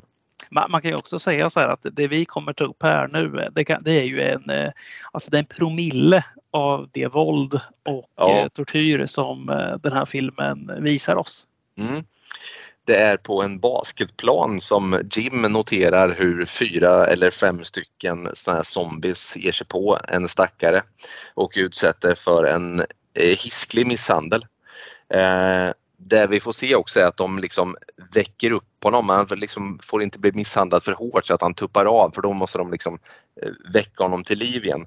Och sen så lindar de någon form av taggtråd runt en basket basketkorg, alltså själva stolpen där. Och lyfter upp offret, eh, särar på hans ben och springer då eh, mot den här stången som någon slags ball crusher. Ja, det, är, det, det är ingen rolig scen alltså. Ja, Det- det, det, man sitter sig, liksom man, man lägger, har man en kudde när man ser filmen så, och sitter som kille så lägger man gärna den där kudden i sitt knä och säger au. Mm. Ja, nej men precis. Har du någon, eh, har du någon, eh, alltså jag vet, jag, jag vet att du vet att jag vet att det finns en ytterligare scen i den här filmen som är, alltså som är, alltså som på något sätt så här överskrider alla gränser för vad som är rimligt och inte. Alltså, eller vad som är, alltså det, all hopp om mänskligheten går förlorad i en komprimerad scen. Vi var inne på den här Molly, den här tjejen då som följer med Cat. Eh, råkar ut för The Businessman. Han har ju någon form av, eh, är det ett paraply eller någon käpp han har med sig? Eller vad är det Nej, någonting? paraplyare. Ja, ett paraply. Det dyngar väl han in i ögat på Molly. Ja, ja, Eh, han river ju ut det liksom. Han, han han sticker ut. ut hela ögat på henne. Det finns Ja. ju inget kvar där. Det är ett Och, hål. nej men alltså verkligen och, och det är ju också viktigt att, att nämna att det är ju inte, det är ju inte så att, eh, ma, att man döljer någonting där utan man får ju liksom se hur paraplyet penetrerar liksom ögongloban liksom Heter det så? Mm. Eh, och, Ja. eh, och tar ut, alltså sliter ut ögat då eh, och lämnar ett blödande sår och ett obrukbart öga. Det är Men inget man dör av. Nej, det är inget man dör av utan det är snarare så att hon, hon blir liksom lite mer bara sinkad i sin framfart. Då. Hon är ju eh, redan lite så här korpulent och har svårt att hänga med Cat i, i tempot där men det blir inte bättre utav det här med ögat. Men så blir det ju så att på det här sjukhuset som vi pratade om förut och som filmens så att säga, final utspelas på så kommer ju The Businessman ifatt och eh, lyckas då eh, få tag på Molly när hon är ensam.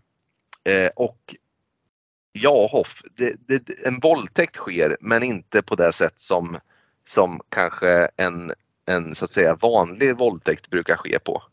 Nej, nej, det är ju liksom eh, man möter kvinna här fast det, den här, eh, ja, alltså det är så vedervärdigt egentligen. Alltså, han, jag, skrattar liksom för att det är så sjukt. Men det är ju något med det här liksom att eh, man måste höja nivån i varje scen för det är så den här filmen funkar. Liksom. Den, börjar, den börjar inte med det värsta utan den, eh, den fortsätter liksom bara öka upp hela tiden.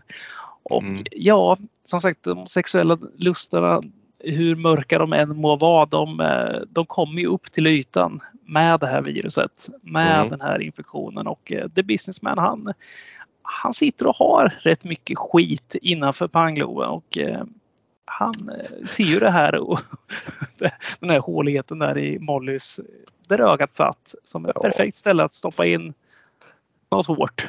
Ja, Som ja, han har det i brallan. Han, han, man, men han voltar hennes ögonglob. Det är, nu är det sagt. Så är Ja, det.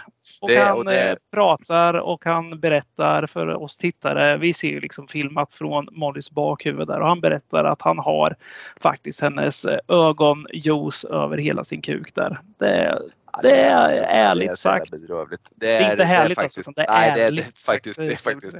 Och det snackar vi ändå, du och jag som två luttrade skräckfilmskonnässörer här. Eh, men återigen alltså, jag, jag, vi, vi, vi, alltså tonen skulle jag vilja bara stanna vid lite där. Tycker du, alltså hur dansar man? Alltså vi har, vi har en lina här som går och sen på ena sidan om man faller ditåt så är det eh, mörkt och allvarligt. Och faller man över på andra sidan så är det humoristiskt. Vad, hur tycker du att liksom balansen hålls här? Det där, jag vet att du och jag har, vi har lite olika syn på det där, men jag tycker att Mm. den där Just när det gäller splatterfilm så är den där, då måste man alltid tänka att den här gränsen för när man, eh, när man balanserar, Mm. den är högre. Alltså den gränsen måste få, få vara högre än det är i en annan film. För att i en annan film hade du kunnat göra den här frityrscenen som vi pratade om tidigare. Den hade kunnat vara jättechockerande då och vara Absolut. över gränsen. Mm. I den här filmen kommer den så tidigt och den sätter liksom ribban som jag var inne på där. Så att allting efteråt kommer chockera mer och mer. Eller bara liksom uppbytt. Du, du tonas, alltså du trubbas av. Jag gör Mm. det. Eh, sen tycker jag att det är liksom för mycket. Det är för sjukt. Samtidigt är det det här för sjuka som gör att ja, men jag kan liksom inte ta det på allvar. Jag, jag försöker hitta något att jämföra med. Vi, vi kommer till en annan scen sen med en kille som får sitt huvud kraschat, alltså helt sönderslaget med en brandsläckare. Mm. Och där finns det en film som heter Irreversible som har en exakt likadan scen. Alltså det är en lång utdragen scen när någon får sitt huvud inslaget mot marken med en brandsläckare i tung metall. Det gör Mm. ont. Mm. Men i den Irreversible så är det liksom, där är det är ett drama liksom. Där är, du har en lång dialog i en och en halv timme liksom. Ett alltså relationsdrama mer eller mindre i långsam takt. Sen kommer det här. I den här filmen som vi pratar om nu, The Sadness, så har vi liksom vålds, våldsam scen efter våldsam scen. Liksom, då, jag tycker liksom att det är svårt då att säga att den här, ja, men den, den rinner över. Nej, jag vet inte. Jag tycker den balanserar hela tiden på den här. Det kallar mig sjuk i huvudet, men ja, jag vet inte fan. Eller om man bara blivit så luttrad och har sett så mycket sånt här. Men det jag, jag håller med dig. Alltså, den, den är ändå... Den är mer åt det negativa hållet. Alltså den, den, den drar åt det hållet. Inte som, eh, som Braindead eller Bad Taste som liksom vi kan ta som är humoristiska splatterfilmer. De går åt ett annat håll. Precis. den här, den här är mer det asiatiska splatterhållet. Alltså de som har sett en Takeshi Miike-film vet vad jag menar. Liksom. Det är just det sexuella våldet. Det är ganska obehagligt. Det är, liksom, det är inte... Jag tror man måste ha en viss typ av hjärna för att tycka det är, kunna tycka det är kul och liknande. Ah, du förstår vad jag menar tror jag. Ja, absolut. Eh, sen är det ju någonting med, så här, jag, det är ju trots allt så att jag har inte sett ens liksom en, en promille av eh, så många eh, asiatiska skräckfilmer som jag har sett amerikanska skräckfilmer och det är ju någonting i det är ju någonting lite mer svårläst i de här filmerna tycker jag. Det är nog, det är väl nog mycket av det som är mitt problem egentligen med det här våldet. Jag har svårt att identifiera humorn så att säga. Jag, jag, jag, jag tycker att den spiller över och blir lite sadistisk. Alltså lite för sadistisk och cynisk för min smak. Men ibland så är det så här som, som att det liksom som att det, vad ska man säga, det, det är lite som att det är Överlag så har jag svårt att, att liksom identifiera, är det allvar, är det sadism, är det humor? Eh, men sen finns det scener. Jag tänker då på vissa av scenerna där, du vet, där, det, där det sprutar så mycket blod så att det liksom det är, väl, det är väl så det avslöjas. Det, du vet, när, liksom, du vet, du, någon blir av med ett finger och det kommer en hink blod upp i taket. Liksom. Det är orimligt. Då tycker jag, då kan man identifiera att ah, okej, ja, men det här är är trots allt en splatterfilm. Men sen är vi lite, har vi de här momenten som du säger då när, när barn råkar illa eller när det är för mycket sexuellt våld eller när, när eh, så att säga offren är för plågade. Då tycker jag, då är man ute, då är man över fel sida av gränsen, för min del i alla fall.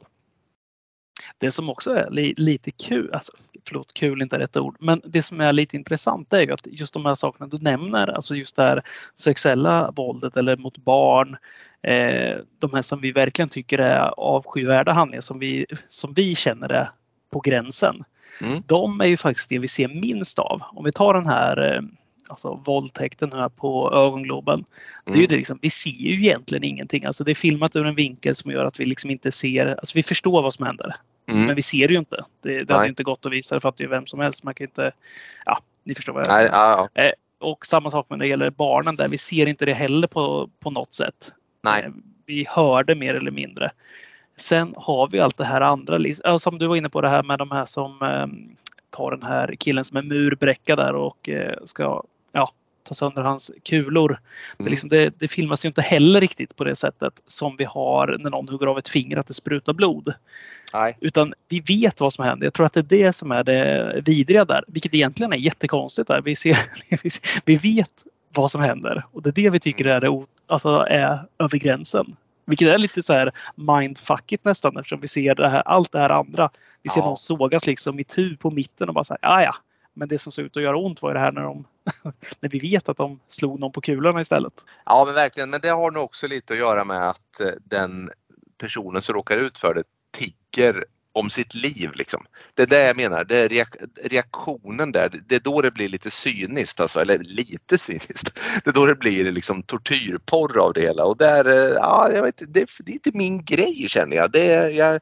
Jag känner det ju mer vi pratar om den, eh, ju mer känner jag att eh, ja, nej, jag vill nog ha lite mer värme än så här. Även Ja, mina ja men skräckfilmer. verkligen.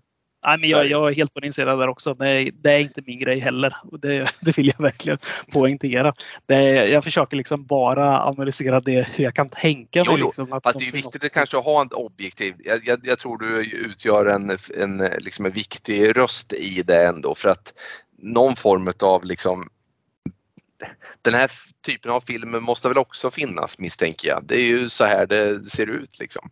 Ja, men om man tar liksom, om man, vi tar så här klassiska skräckfilmer. Vi tar The Shining, The Changeling, liksom liknande så här eh, långsamt krypande skräck. Ja, The Shining har ju vissa scener också. Nej, men du förstår vad jag menar, de här Mm. som är mer långsamt. Alltså, det bygger Mm. ju liksom på att du ska bli rädd av kanske att du har byggt upp en känsla av att någonting står inte rätt till och något obehagligt men du kanske inte kan sätta fingret på det. Sen behöver du inte ens se något. Det behöver inte vara visuellt någonsin. Utan eh, det kan liksom vara som någon berättar en spökhistoria för dig. Men i den Precis. här filmen, liksom, ska du göra en sån här sak och sen få till det otäckt. Då Mm. måste du hela tiden överträffa det. Liksom. Du, måste, du kan inte bara ha någon som skjuter någon i, i, i huvudet. För det är inte Nej. otäckt. Det, alltså, Nej, det, det har vi ju sett. Då, då kan vi ju se på en Beck-film. Det är inte som att vi sitter och säger så här, Gud vad läskigt. Beck och mannen utan ansikte eller vad fan en Beck-film nu kan heta. Förmodligen finns det någon så. som heter så. Ja, det är Ja, garanterat. Nej, men utan här måste du liksom leverera någonting. Alltså, vad ska man säga? Det är som att eh, om man får jämföra med till exempel punk eller med eh, riktig alltså death metal när det kom. Liksom. Du måste vara så jävla hårt rakt av. Du vet när Alltså när vissa hårdrocksband slog igenom och det var det hårdaste någon någonsin hört. Eller punken liksom. Någon skrek och alla vart galna. Liksom, hur fan är det här musik? Eller det, det är för aggressivt. Exakt Mm. så ser jag en sån här film. Att det, liksom, det är ett blunt force trauma liksom, som bara träffar dig rakt på. Liksom. Det bara, vad fan händer? Liksom, det är en jävla chock direkt.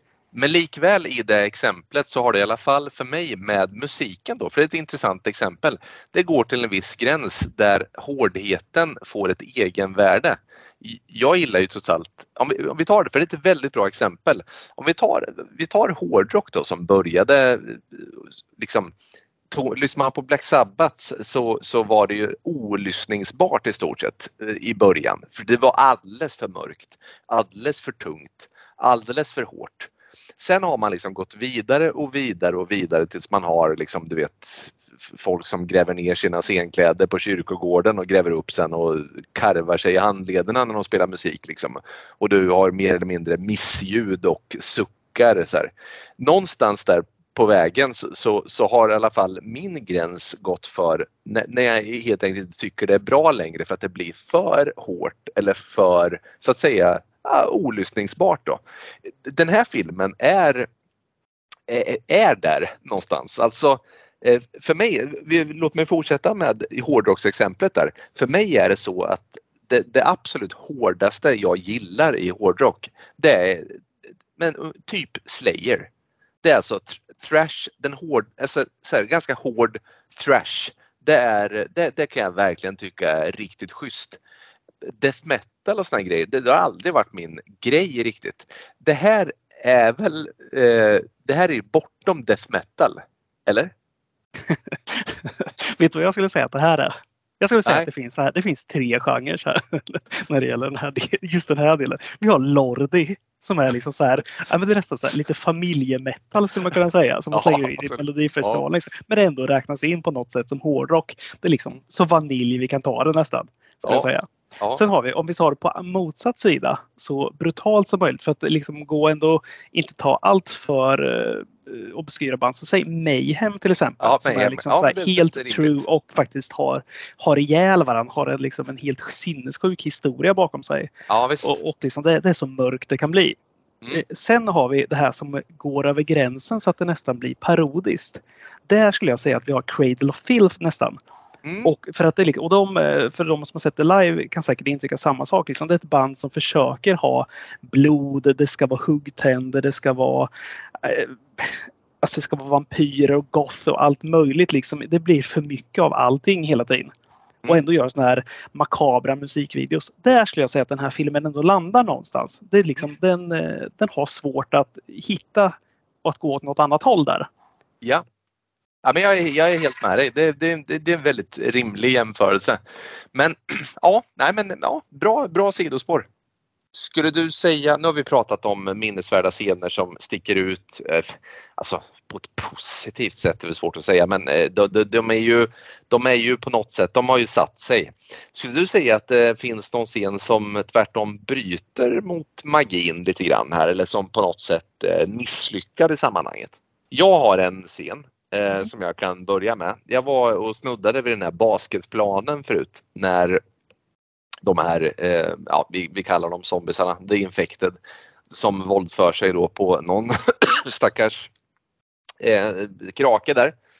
Eh, när Jim kommer in på basketplanen och eh, kör någon form av eh, ja men kung fu, alltså han, han har ju något tillhygge med sig som han snurrar och han liksom visar prov på det och de här zombiesarna springer sin väg. Det, det, det var för mig helt obegripligt. De kommer ju förvisso tillbaka sen och säger just det, trodde du att vi stack va? Eh, Men, men där tycker jag, där stannade filmen upp lite. Och jag- Vad fan hände nu alltså? Det, det tyckte jag var märkligt. Det var helt liksom i motsatt linje av vad man har presenterat innan kände jag.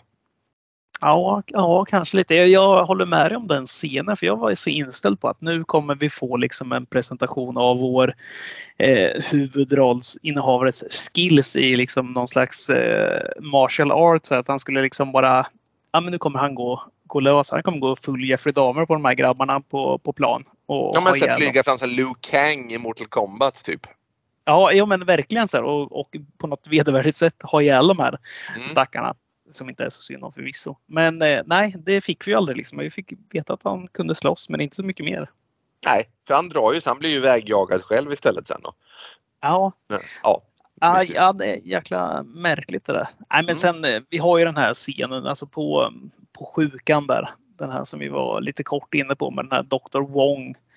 Eh, just när han berättar om de här barnen. Alltså han tar ju, han tar ju den här Cat som, eh, som fånge där och, Mm. håller den, liksom försöker göra experiment på henne för att se om hon är immun. Och sen visar han då de här spädbarnen, alltså hon, hon hör ju dem, ljud från en soptunna. Och vi får höra liksom att nej men jag har försökt liksom trycka in viruset i dem för att se om det finns någon immun. För han är ju på om det är BB eller vad det nu är för någonting. ja BB-avdelningen. någon form av BB ja. Ja, det är i alla fall barn kvar glömda där eller lämnade.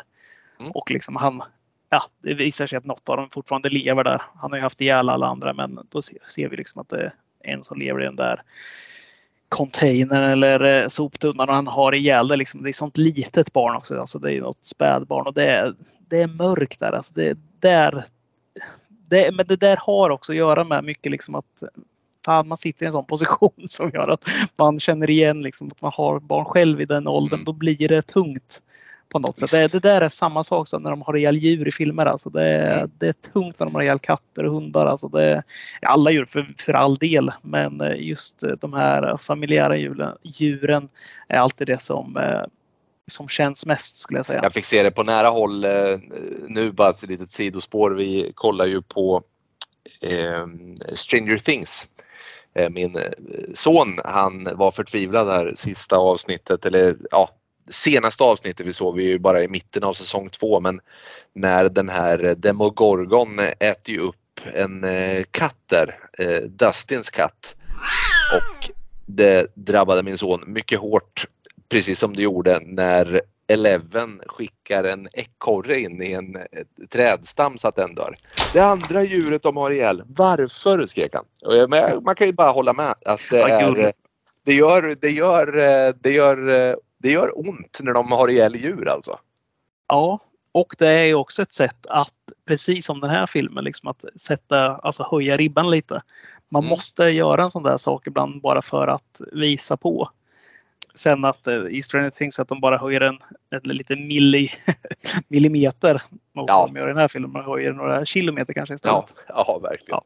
Nej, men jag Ja. håller med dig. Det, det ligger nära till hands att eh, man vill gärna eh, helst så är det ju det här ungdomsgänget med vedervärdiga eh, karaktärer som inte förtjänar något annat än motgång som ska råka ut för Michael Myers. Där någonstans, det, det, det gör inte så mycket. Men det gör väldigt mycket när stackars oskyldiga djur eller små barn får sätta livet till. Det, Ja, det, det- är alltid det när man ger sig på de här du vet, som inte kan riktigt försvara sig själv. Liksom, de här Mm. alltså, rullstolsburna människor eller Mm. liksom handikappade, mentalt handikappade.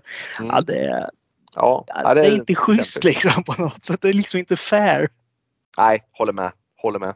Och så garvar man lite och så sitter jag och tänker på den här fredag den 13 filmen. Jag sett den här macheten i skallen på den här killen som sitter i rullstol. Ja, det- den s- smack. Blir inte han också skickad ut ur, nej, jag vet inte, han, han råkar jäkligt illa ut, sitt eh, handikapp till trots. Ja, men man får ändå ge det till eh, Jason i den i filmen. Liksom, att han, eh, han skiljer inte på folk. Nej, det gör han inte. Han Det får man vara glad över. Ja, verkligen. Verkligen. Har du någon mer eh, sådär scen eller har du någonting du har kommit på sådär som du tycker är värt att lyfta? På Just negativt eller positivt sätt? Ja. Nej, jag, har- jag har inget så här scenmässigt som jag skulle vilja lyfta utan eh, alltså det jag vill lyfta med filmen som jag faktiskt tycker är riktigt jäkla bra. Det är just effekterna. Det är 99 av filmens effekter är just praktiska effekter. Eh, läste en intervju med regissören som sagt tidigare här, Jabbas och eh, han hade faktiskt hyrt in då eller skickat ut en eh, begärt in en offert då från av Taiwans ledande så här eh, effektstudios som annars gör mer så här till polisserier och så vidare. De gör så här schyssta gunshot wounds och liknande. Sånt som används i tv-serier. De har aldrig gjort något sånt här. Och eh, han pratar ju som sagt ingen mandarin alls utan liksom försökte förklara vad han skulle göra för typ av film. Jag kan bara tänka mig liksom när de sen ser vad det här är. Det här är vad som står på schemat som ska göras. Men, Ja, eh, nej, men de, de gjorde tydligen ett eh, kalasjobb. Eller tydligen, det ser vi ju när vi ser filmen. Det, det går absolut inte att klaga på effekterna där. Nej, sannerligen inte. Gjort. Väldigt, väldigt bra effekter. Jag kommer också att tänka på, jag vill bara bry, får jag bara kort säga en så här, eh, ganska komisk scen. Det är ju den här när presidenten står och håller ett tal, får vi nog se på någon så här direktsänd TV ju. Att presidenten står och ska hålla en tal till nationen här nu till följd av det här viruset då. Så visar det sig att en av hans eh, bodyguards eller i liksom så här militärstaben som står vid hans sida visar sig vara infected själv och att han sliter fram en handgranat som han stoppar in i käften på presidenten. Eh, och sen såklart så, så exploderar den, eh, ja, själva huvudet på, på presidenten exploderar då. Där känner jag ändå, det är någon, det, den scenen är ju komisk alltså. Ja, det är det. I direktsänd TV. Så Ja, det är så jävla förärligt. Och så blir det den här röda testbilden så här. eh, Vi eh, fly, eller så här, du vet den här testbilden de har haft innan så här. Det övergår direkt till den och då inser man att okej, eh, vi är, we're all fucked, tänker de tror jag. Ja. ja, men man märker ju också lite så här just den här tilltron på, på militär och kanske på politiker just när ett sånt här epidemi bryter ut också. Liksom så här, vilken otroligt lite, vad lite de kan göra just i en sån här film. Alltså det, de bidrar ju ingenting. Nej, verkligen. Det som är, alltså det måste ju vara, vi har ju sett hur svårt det är att veta exakt hur man ska agera när det är en, en så att säga inom citationstecken vanlig pandemi som råder. Då kan i alla fall folk så här, ja, jag håller mig inomhus. Men det är svårt när en del av viruset är att du måste ut och döda så är det väldigt, väldigt svårt att få kontroll på befolkningen då helt enkelt. Ja, fy fan. ja, det här viruset hoppas vi stannar eh, någon annanstans. Eller i Ja. Taiwan bara kanske. Ja, ja om ens det. Stackars Stanna kvar här. krake.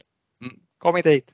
Ja, men en, en rolig grej med just finansieringen av filmen är ju att den har liksom eh, Alltså de har samlat ihop pengar via någon så här kryptovaluta liksom och eh, inkomster från en av producenternas så här camgirl eh. Det är ganska smutsigt liksom Det låter- att dra in det på. Men ja, det är så de har Ja, jag- det. det, gör det hela ännu värre på något sätt. Alltså det, det, den här filmen, dels liksom hela dess jäkla utformande och finansieringen av den. Så är det ett smutsigt projekt där helt enkelt. Ja, ja men det, det känns smutsigt. Nej, det är bara kul kuriosa egentligen. Vill du sätta ett litet betyg utifrån vad, vad du tycker och tänker om filmen? Vi har ju varit inne på det lite grann. En splatterfilm är en splatterfilm. Eh, för mig handlar mycket om att den ska balansera på rätt sida av vad som är så att säga cyniskt och, och tortyr och vad som är liksom lite kul i sammanhanget. Då. Den här filmen är ofta över på fel sida för min del. Det är ett, eh, liksom, det är ett, ett, ett nattsvart våld. Det är bitvis, vi var inne på den här presidentscenen, ganska så, det, det, det finns scener som har lite mer komiska inslag. Men allt som oftast så, så, så är det övertramp. Eh, och ett annat problem som jag har med filmen är att den, den har liksom egentligen ingen direkt handling. Utan det vi får se är de här människorna som ska försöka ta sig till en, liksom, ja, de tar sig till varann egentligen är det de är ute efter. Jim och Kat har sms-kontakt under filmen, de ska ta sig till varandra. I övrigt så, så är det bara en enda lång eh, vålds, tortyr, porr, odyssé. Och, och det räcker liksom inte för mig. Men, men all heder åt effekterna. De är väldigt välgjorda. Det är eh, det gör ont. Det är blodigt och det är eh, våldsamt. Så att ja, men jag, jag, jag ger två av fem till den här filmen. Jag antar att det kan finnas en del som, som eh, tilltalas av det här. Så som jag minns det så har den inte fy skam betyg på IMDB utan eh, över sex i alla fall. Och alla som kan sin skräckfilmsgenre vet ju att det är ju ändå bra i sammanhanget. Ju. Eh, två av fem från mig eh, och jag kommer aldrig se den igen. Ja, men du, jag, jag är inne på, som så ofta så har vi ungefär samma tänk gällande filmer. Nej, just det här med gränsen, hur man ska balansera, det, det är lite för mycket. Jag jag håller helt med dig. Sen att jag kanske tycker den håller sig ungefär där man kan vara. Men att vara just på den linjen är inte heller kul. Utan man måste gå över eller man måste hålla sig på den mer komiska sidan. Jag tycker den liksom har svårt att hitta var den vill vara där. Eh, och det, det, blir ett litet problem.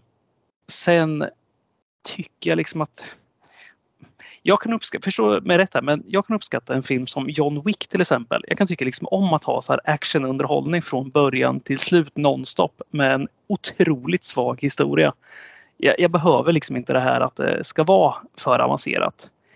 Men i den här filmen, alltså det blir för platt. Det här viruset liksom, okej.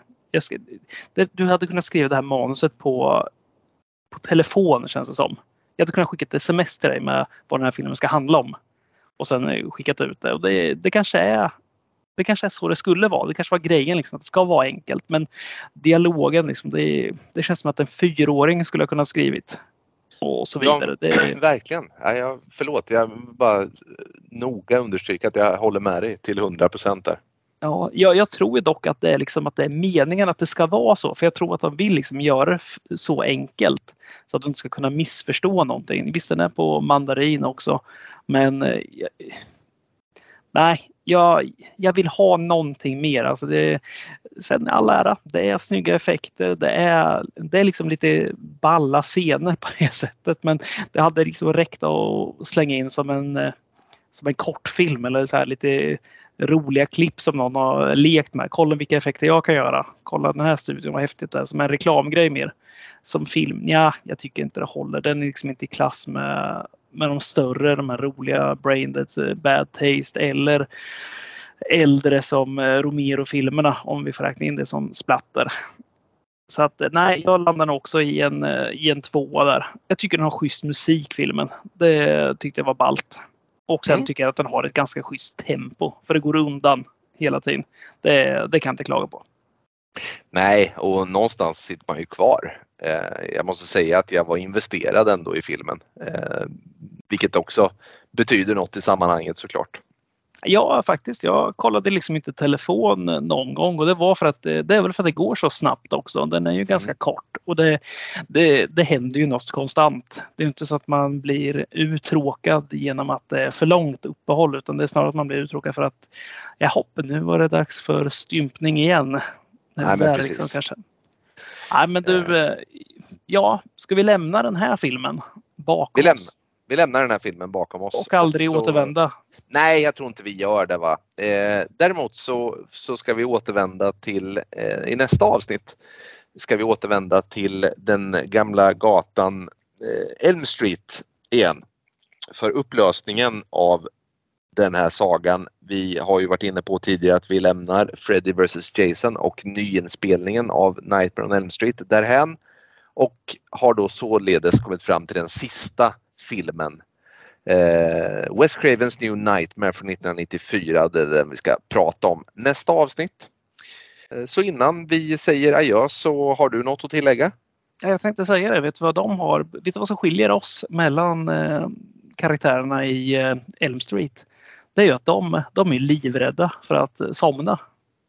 Men du och jag, vi har ju inga problem med att försvinna i nattens mörker.